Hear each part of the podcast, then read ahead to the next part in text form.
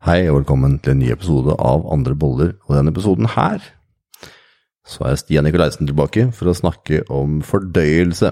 Og fordøyelse, Stian, det er noe som du vet jeg har hatt utrolig mye problemer med tidligere, i alle fall. Det er ikke, er ikke like ille nå, eh, litt tidligere, men jeg husker jo i 2011-2012-ish.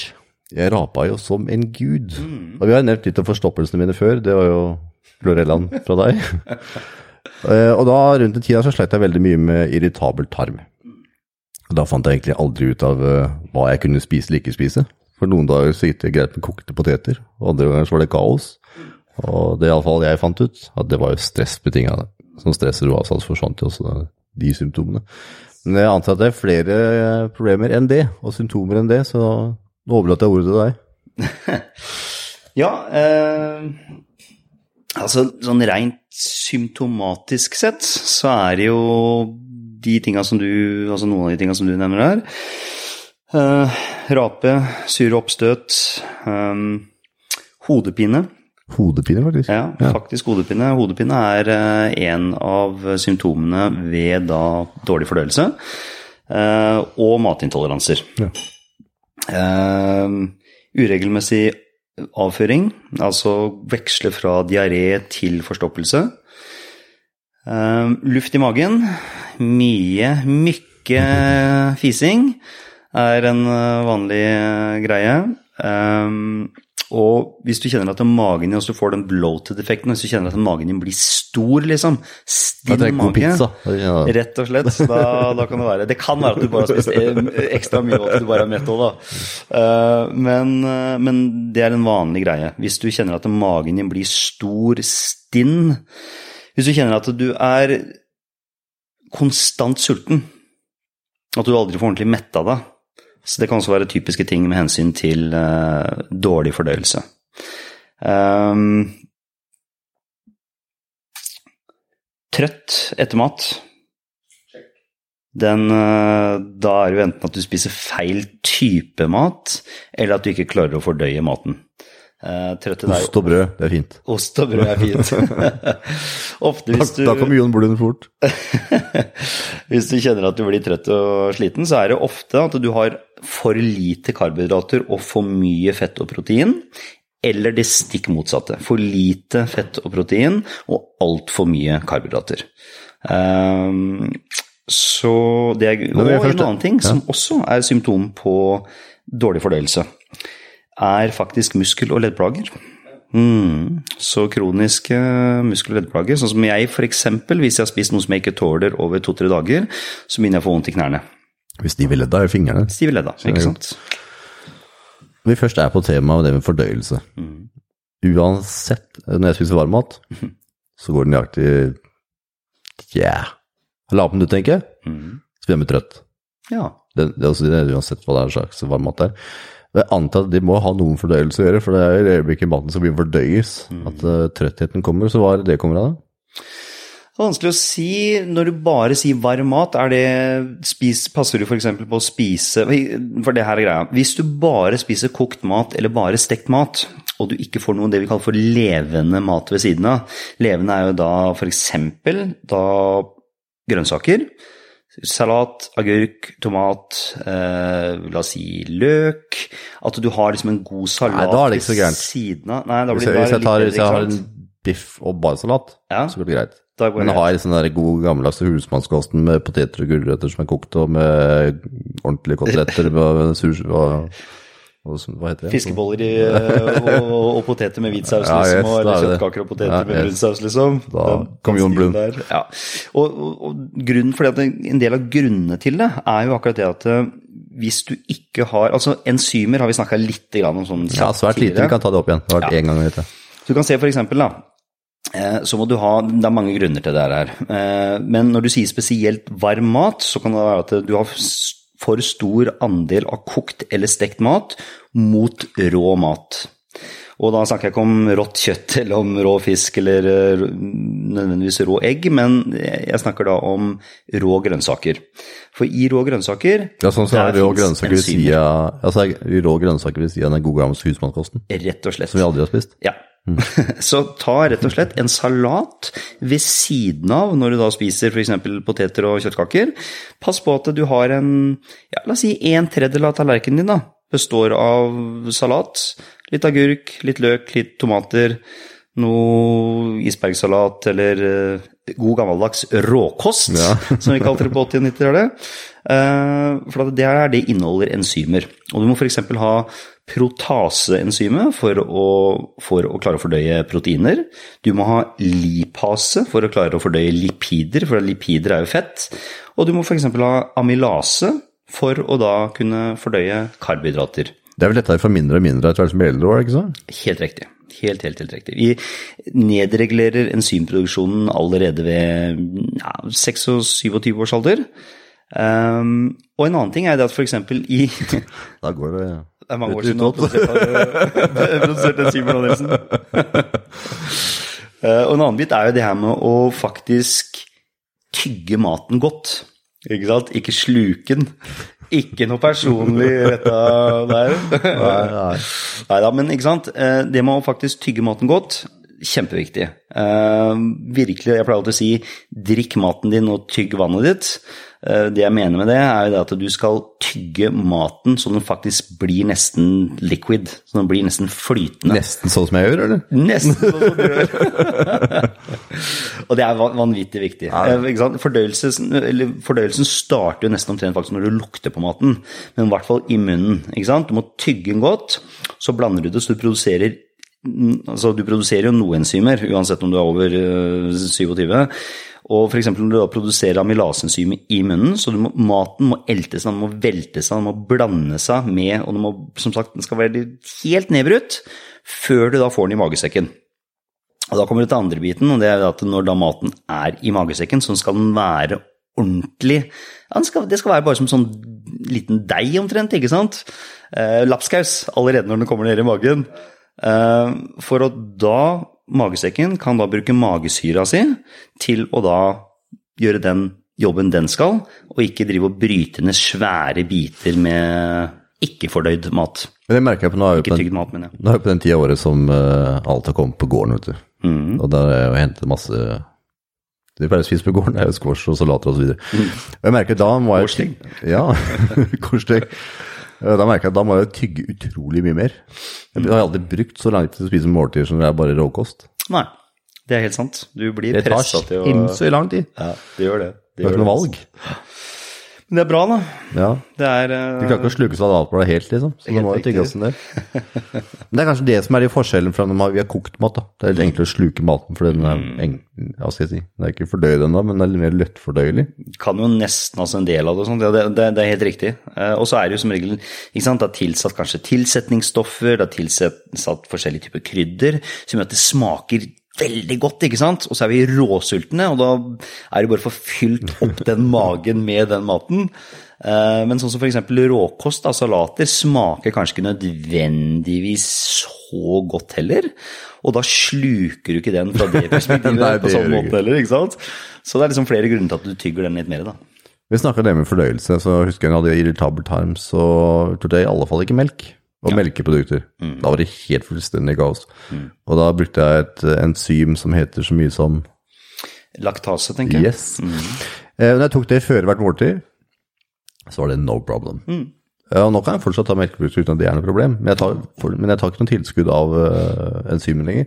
Vel, hva, hva er årsaken til det? Vil si at uh, får man mer enzymer eller fløyler? Hvordan uh, Nei, altså det, det det mest sannsynlige er da, det er at du fikk at du fikk fri fra det over så lang tid, for det her er nemlig en annen, en annen bit.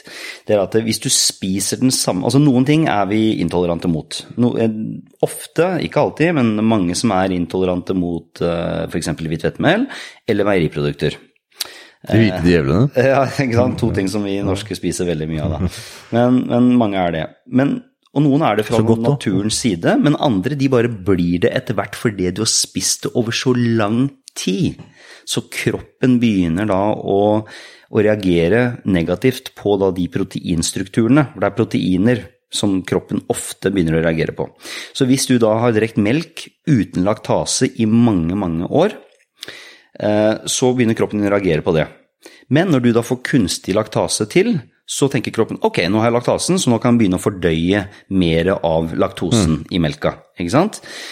Og det er ikke sikkert at du i utgangspunktet tåler det så veldig mye bedre nå, men det er at kroppen din fikk jo da på en måte fri fra den slitsomme prosessen, ikke sant, med å faktisk få melk inn, ikke sant, og så skulle du på en måte prøve å fordøye det her uten laktase. Så det kan være at du har bare skåna kroppen din over såpass lang tid at det kommer til å ta litt lengre tid før du begynner å reagere på meieriprodukter igjen. Men sannsynligheten for at du kommer til å gjøre det en eller annen gang igjen, er, er til stede. Det er utrolig mange som går rundt med liksom mageknip av og til, tror jeg. Mm. Tror jeg, mange, jeg hører det iallfall ofte. Åh, vondt i magen og får vondt med fordøyelsen. Hva er det som oftest er det? Er det melk og mel, eller hva er det som ofte er eh, årsaken? Som sagt, det er som regel bare én eh, Igjen, veldig ofte så er det jo for mye hvetemel, eh, for mye meieriprodukter. Eh, og igjen, da, hvis du kan få meieriproduktene helt upasteurisert og helt uhomogenisert, altså direkte fra, fra gården f.eks., så Det er kan ikke så mange igjen. Nei, ikke sant. Da kan det være at du, eh, at du hadde tålt det bedre, bare sånn som det er sagt. Eksempel eh, Røros har jo nå en veldig lavpasteurisert og homogenisert melk, så den er det flere som tåler, som ikke tåler andre typer melker. Så det kan være et eksempel. Men eh, Nå snakka jeg meg litt bort. Hva var spørsmålet igjen? Det var, ja, det var en vanlig, vanlig ting som folk reagerte på. Eh, Så det kan være da, som sagt, hvitt hvetemel og meieriprodukter, og f.eks. tomat er det mange som reagerer på, og løk. Eh, Så det kan være fire vanlige Hvitløk òg, eller? Eh, hvitløk også, men ikke nødvendigvis. Det behøver ikke å ha noen korrelasjon med vanlig løk. Så det kan være fire ting som ofte gir mageknip. Og kål. Kål for da, kål. noen. Uh, mer, mer luft når det gjelder kål, uh, faktisk. Det er liksom noen som har litt like karakteristiske trekk. Mageknip er som sagt ofte da meieriprodukter og, og hvithvetemel og, og tomat og løk. Eh, men mageknip har jo selvfølgelig også bare generelt sett med dårlig fordøyelse. Så, så, og, og grunner til dårlig fordøyelse er jo ofte, om det er som sagt hodepine eller mageknip, eller om du har for stor mage, eller om du fiser, eller om du gulper, eller hva nå den er.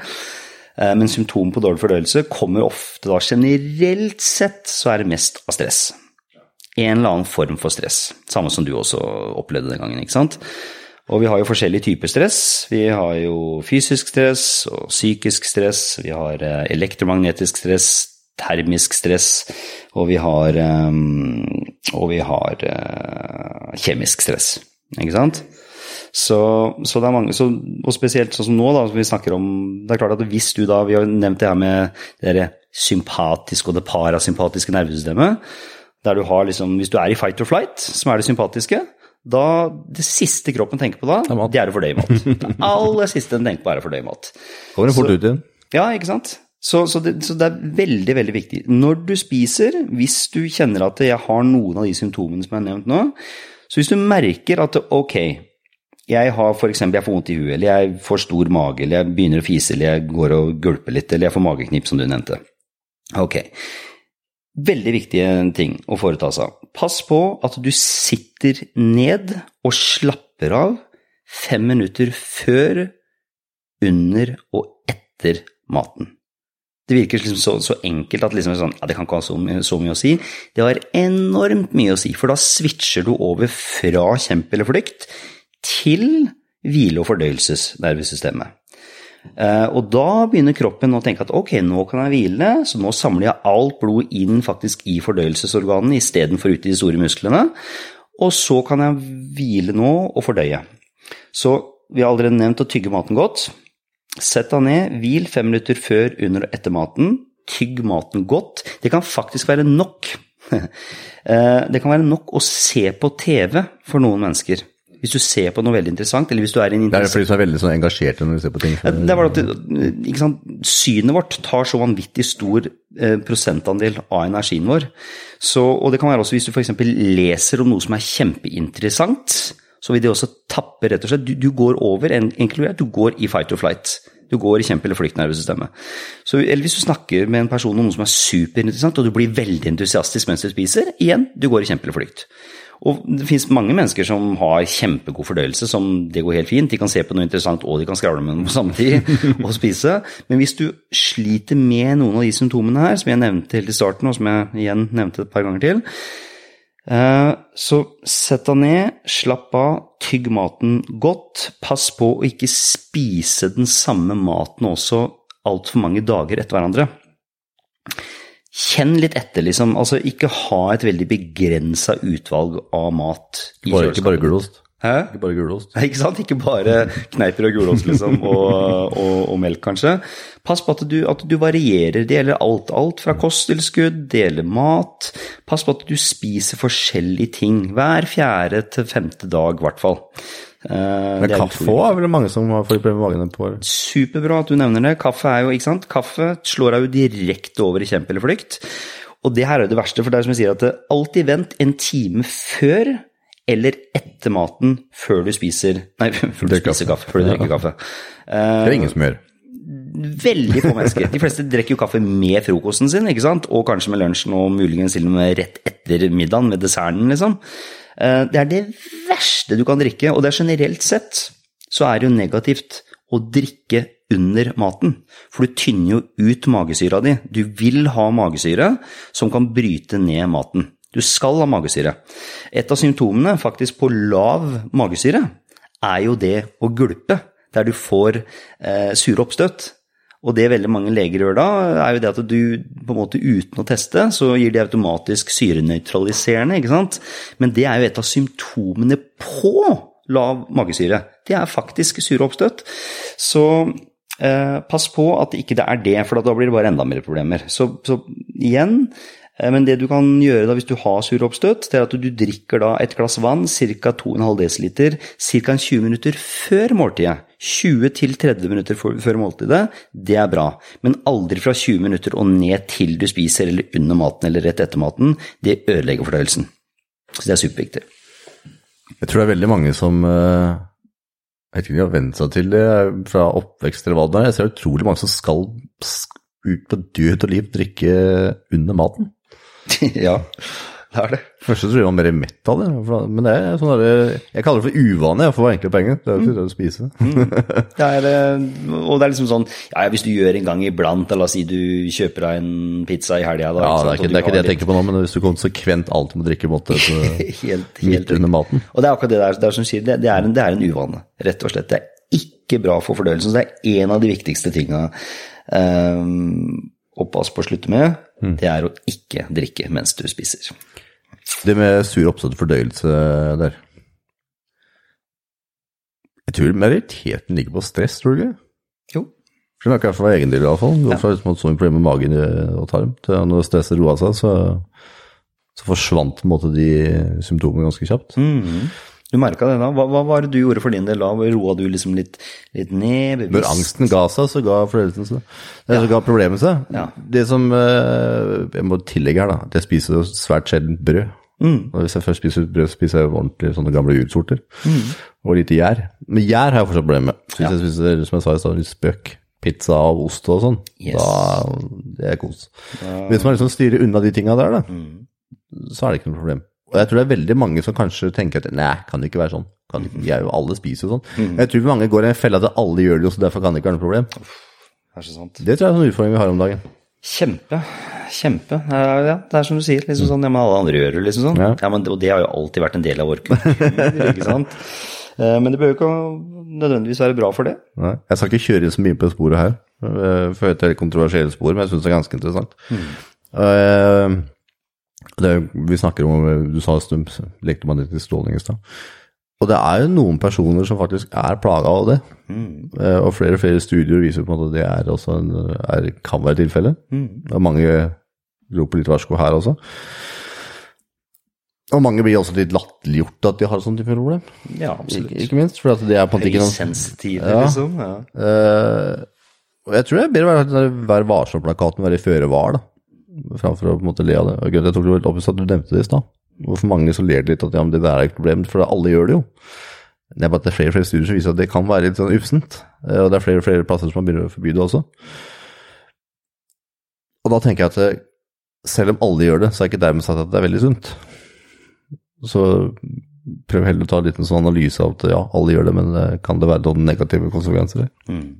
Og det er akkurat det som er greia. Det er litt sånn som sauene. Det er én sau som går ut utfor stupet, følger resten etter. Ja, det er, akkurat, det er jo akkurat det det er, ikke sant. Det er jo akkurat det det er. Det er liksom Lær deg til å på en måte altså, Brød, det er et godt eksempel. Ja, ikke sant. Bare altså, prøv deg fram. Det er det samme som når folk eh, Og det er jo for det er også et annet godt uh, aspekt med hensyn til det her med fordøyelsesplager. Altså, jeg får hele tida spørsmål om liksom, ok, hva er det som er bra, er det best med vegetar, eller er det lavkarbo eller høykarbo, eller er steinalderdietten, eller ikke sant. Hva, hva er det på en måte som er den beste dietten? Så Den beste dietten er den dietten som fungerer best for deg. Enkelt og greit. Ja, det som fungerer best for Når er det du har mest energi, konsentrasjon, overskudd? Når er det du går best på trening? Når er det du kjenner deg emosjonelt, følelsesmessig mest stabil? Når er det du sover best om natta? Når er det du har mest energi når du står opp om morgenen? Når er det du har minst vondt? Ikke sant? Alle de tinga her. Men jeg skjønner at det er en jungel, på en måte, for det er, klart det det er, jo mange ting som på en måte Men maten, altså du blir det du spiser. Og det er liksom sånn der, ja, det er liksom litt sånn teit eksempel, men det er faktisk altså Fyller du diesel på en bensinbil, Går da går ikke den langt, altså. Ja. Og vi mennesker vi står bare av en bunt med kjemikalier. Ja. Får du gærne kjemikalier inn, da får du gærent resultat ut. Men hvilke kosttilskudd er det du anbefaler å bruke, da? Sånn eh, jevnt over, vi tenker på det med fordøyelse og sånn? Eh, med fordøyelse og sånn, så, så er det jo ok. Eh, nummer én, da. Du må Hvis du har de symptomene her, så er det som jeg har nevnt nå, så jeg ikke nevner det igjen, eh, så er det en større sannsynlighet for at du har mindre magesyre enn for mye magesyre. Så ofte når du stresser, når du har høyt stressnivå på ett eller flere av de fem felta som jeg nevnte, så reduserer det ofte magesyra. Så det kan være en tanke for noen mennesker å prøve da eh, det som heter hydrochloric acid, eller magesyre, som du får kjøpt eh, jeg, tror, jeg, tror, jeg, vet ikke faktisk om du får kjøpt i Norge, så det er gunstig. Hvis dere får kjøpt i Norge, så prøv det. Hvis ikke sånn, så hold dere for guds skyld unna. Neida, men ikke sant. Eh, Men enzymer, er et, et bredspektra enzymtilskudd, er veldig gunstig. Så et enzymtilskudd som inneholder da f.eks. Eh, bromelin, eh, det kan være da amylase, det kan være protase, lipase Altså noe som har et bredspektra. Og så finnes det da noen som er f.eks. mot et det som heter et lavkarbo, høy fett, høy proteinkosthold. Noen som er mer all around, og så finnes det noen som er mer mot karbohydrater og mindre fett og mindre proteiner. Så litt ut fra hva du, hva, hva du spiser sjøl. Men for de som har utfordringer med det med å spise kjøtt, eksempelvis. Mm. Og så tenker jeg ikke på etisk eller moralsk. Jeg tenker Hvis du på en måte har fordøyelsesutfordringer med å spise kjøtt, Mm. men folk trenger fortsatt proteiner, for det er jo en treningspodkast antar er, så mange trener og kanskje har litt den utfordringa, da. Mm. Er det da lønnsomt å drikke proteintilskudd eh, som en erstatning for å faktisk eh, ikke ha de problemene med fordøyelsen, da? Ja, la oss si du, la oss si du tåler melk eh, eller meieriprodukter godt, da. Eh, og så kjenner du at eh, uff, men når jeg spiser kjøtt og fisk og fugl, og jeg kjenner at da får jeg alle de symptomene som han nevner, men jeg får ikke det hvis jeg tar en proteindrink. Ok, ikke sant? Da kan du supplementere med en f.eks. meieribasert eh, proteindrink. Hvis du kjenner at åh, herregud, jeg reagerer på det, men jeg reagerer også på det andre, ok, da kan du gå over til et vegetabilsk proteinpulver. Ikke sant? Ert, risprotein, ja, chi- eh, chia-protein, ikke sant? Da, da, kan du, da kan du velge et vegetabilsk et. Ehm, ja. Er det noe vi ikke har hatt med noe som er viktig å få med for fordøyelsen? Eh, ja, altså Det som er gunstig, som kan være gunstig for en, for en del når det gjelder tilskudd, kan være Du kan bruke noe som heter f.eks. bitterstein, eh, som da kan øke da muligheten til å produsere litt enzymer og magesyre. Eh, eller bittersten, tror jeg det egentlig heter. Eh, hvitløk kan eh, gjøre fordøyelsen godt. Ingefær kan hjelpe for en del mennesker. Cayennepepper er fint. Sitron og lime kan være gunstig, så prøv deg litt fram. Det er de tinga jeg vil sånn on the top of my head. Det er veldig bra, Stian. Og for de som følger med i sosiale medier, hvor gjør vi det? da? Da har du Nico Transform with Purpose på Instagram. Eh, eller så er det da Klinikk Nikolaisen på Facebook. Husker jeg ble adressen nå, nå? Det er ikke verst, det. Eller klinikknikolaisen.no, eller bare følg meg på Facebook som Stian Nikolaisen. Og for deg som ble mer nysgjerrig på dagens episode, så kan du gjerne sende inn tema eller forslag til gjester på podcast at myrevolution.no. Og tusen, tusen takk for at du hørte på. Ha det bra. Ha det.